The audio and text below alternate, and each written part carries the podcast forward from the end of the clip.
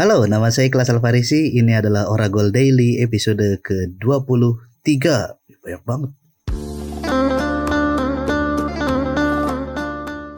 Selamat datang kembali di podcast Oragol karena sepak bola bukan hanya tentang gol. Balik lagi bersama saya Kelas Alfarisi dan episode ke-23 ini uh, dibagi ya previewnya ya. Kalau kemarin Rehan udah uh, menerka-nerka dan cenderung subjektif dengan mengunggulkan Kroasia akan melaju ke final Piala Dunia. Artinya kalau misalnya Kroasia ke final lagi ini akan jadi final yang kedua ya bagi Kroasia secara berturut-turut di 2018 dan di 2022 ini.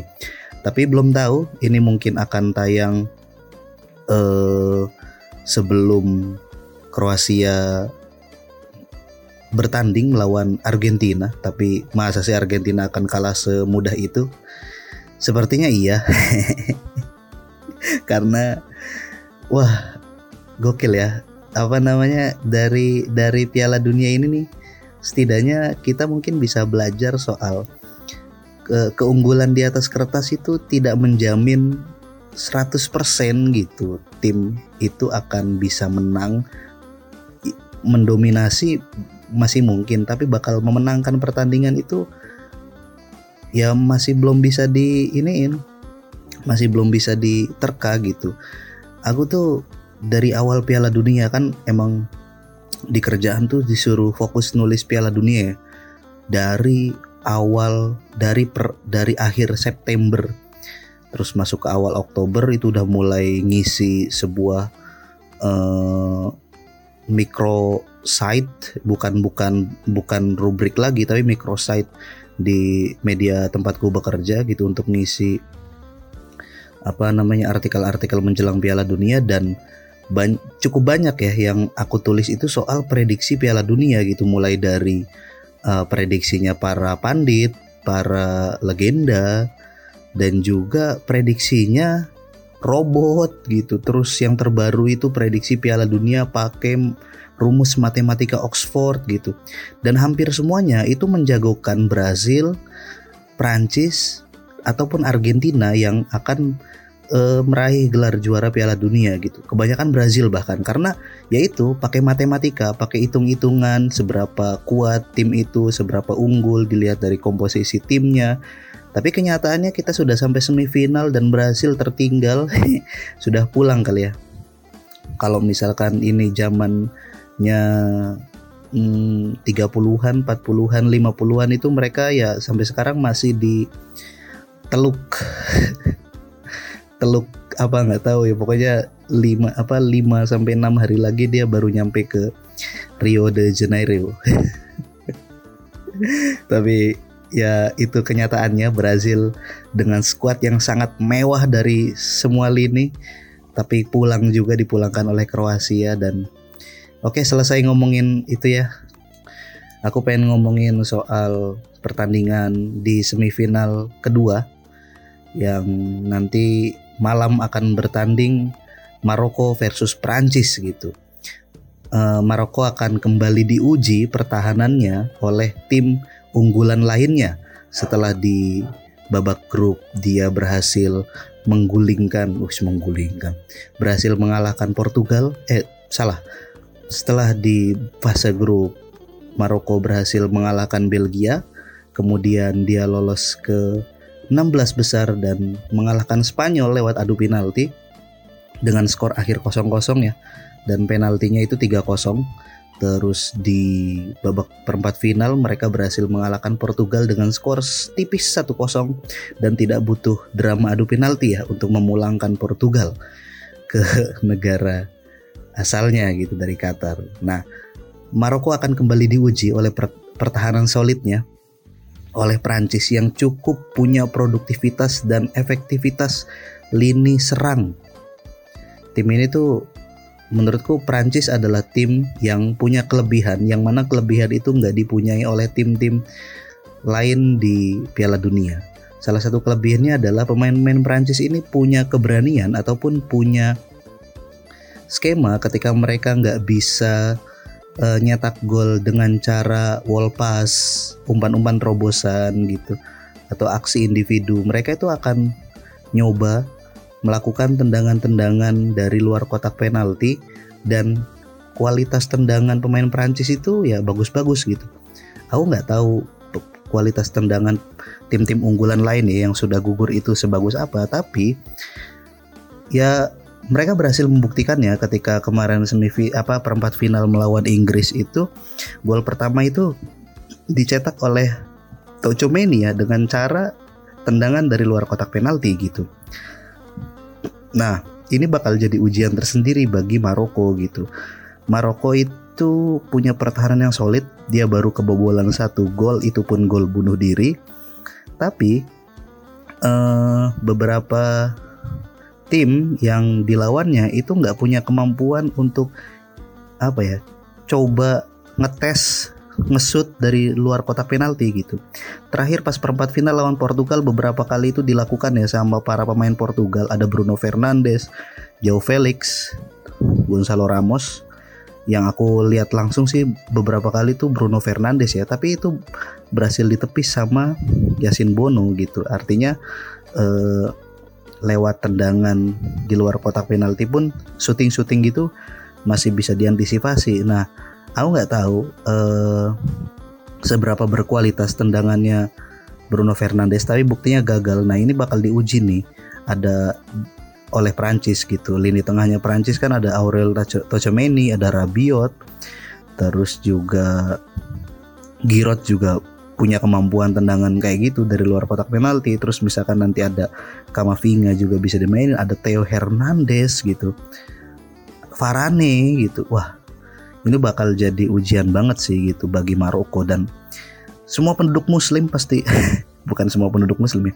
Semua negara Arab itu merasa diwakili asa dan impiannya itu oleh Maroko. Sementara Maroko juga merepresentasikan sebagai negara Afrika pertama yang berhasil tampil di semifinal Piala Dunia. Selain itu juga mereka kayak semacam mewakili umat Islam seluruh dunia untuk yang tampil di Piala Dunia. Kayak aku nggak tahu ini kebetulan settingan atau gimana gitu. Jadi ya mentang-mentang tuan rumahnya Qatar di Arab gitu. Terus eh, pembukaan Piala Dunia itu ada ada sisipan ayat Al-Qur'an tentang keberagaman gitu. Ya itu ya itu mah bisa disetting ya, apa namanya tergantung IO atau uh, konsep acaranya kayak gimana. Tapi hasil turnamennya pun itu kayak kayak kayak harus banget sejalan dengan tema dan tempat di mana Piala Dunia diselenggarakan gitu. Harus ada perwakilan representasi representasi dari Islamnya gitu Maroko gitu. Yang mana ya sebenarnya banyak hal positifnya ya. Salah satu hal positif gitu di di apa di timnas Maroko itu mereka selalu melakukan perayaan itu bersama keluarganya gitu. Jadi selesai menang gitu selesai pertandingan dan mereka menang perayaan-perayaan itu selalu dilakukan dengan menyambut apa me menghampiri ibu dari para pemain gitu berpelukan cium tangan cium pipi terus bahkan uh, momen terakhir itu kita bisa melihat Sofiane Boufal gitu mengajak ibunya turun ke lapangan dan kemudian mereka menari-nari gitu. Wah, kan setelan ibu-ibu Maroko kan kayaknya hampir sama sama kayak kayak ibu-ibu Indonesia ya. Baik kerudung gitu ya karena udah ibu-ibu posturnya agak gemuk gitu dan ya walaupun mungkin dia nggak ngerti bola tapi ngeliat anaknya menang mah menang mah gitu. Oh menang iya iya iya was. Ikutan seneng gitu. Padahal lo nggak ngerti-ngerti amat ya skornya mana sih papan skornya gitu. Nanti kalau kesorot kamera dadah-dadah ya gitu. Jadi ya ini ini bakal jadi hal yang menarik gitu ujian buat Maroko dan juga ujian bagi Perancis gitu. Kalau misalkan Perancis berhasil kalah gitu lewat 90 menit misalkan kebobolan gitu sama Maroko. Berarti kan artinya ya yang yang yang berhasil konsisten adalah Maroko. Dalam hal ini pertahanannya yang solid gitu. Karena nggak mungkin Prancis nggak akan melakukan serangan dan nggak bakal dapat peluang ya. Tapi ini nggak tahu bakal jadi gol apa enggak gitu. Kalau Maroko menang berarti ini ya bentar bentar kalau Maroko kalah ini wajar. Karena lawannya Prancis berarti Maroko pertahanannya ya cuma segitu gitu. Berarti uh, Prancis punya kualitas di atas uh, tim-tim yang berhasil dikalahkan sama Maroko, Belgia, Spanyol, Portugal gitu. Berarti Prancis kualitasnya memang harus diakui di atas itu. Kalau misalnya mereka berhasil mencetak gol. Tapi kalau misalkan Prancis gagal mencetak gol alih-alih uh, Maroko kebobolan banyak, tapi Maroko malah justru yang berhasil mencuri.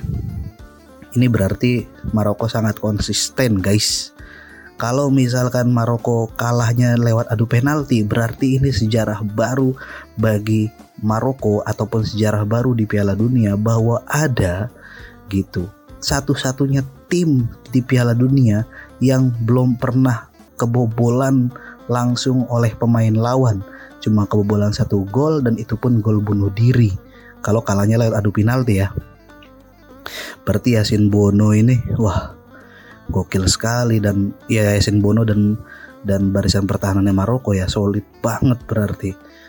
Jadi ya good luck buat keduanya karena apa namanya pertandingan ini juga akan mempertemukan dua sahabat ya Kylian Mbappe dan Hakimi dan uh, hari ini tuh aku nulis satu artikel yang ya ya ke trigger dari sebuah video yang viral. Video itu direkam di bulan Januari.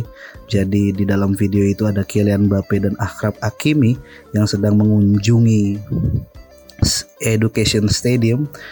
Terus ya mereka pakai seragam PSG entah PSG lagi ada event apa di sana. Jadi Kylian Mbappe bilang ini adalah Education Stadium. Di sini kapasitasnya 40 ribu penonton nanti Prancis lawan Tunisia juga di sini dan saya berharap saya menang gitu. Dan setelah menang saya nanti akan kami Prancis akan melawan Maroko dan sayang sekali. Di pertandingan itu saya harus menghancurkan teman saya sendiri. cengar cengir aja. Uh, tonton deh videonya. Ada ada ada ada videonya deh si Hakimi cengar cengir aja ya kan? Sambil ngomong dikit kan. Ya saya akan menendang dia. Yo saya akan menendang Bape ya seru lah pokoknya. Ini pertandingan kawan jadi lawan ya dan nggak akan ada cercaan, nggak akan ada bullying bagi Maroko ketika mereka kalah ya. Semuanya pasti respect dan hormat sama Maroko, tapi akan menjadi sebuah bulian bagi Prancis jika mereka kalah. ya gimana, kuda hitam melawan unggulan makan selalu gitu kan.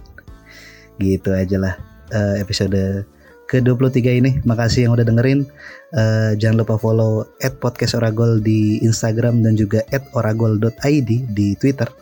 Ini kenapa namanya beda? Ya kita belum punya konsep media yang bagus. yang penting mah produksi, produksi, produksi konsistennya ya kualitasnya masih di situ. Makasih yang udah dengerin. Ciao Bella. Bye bye.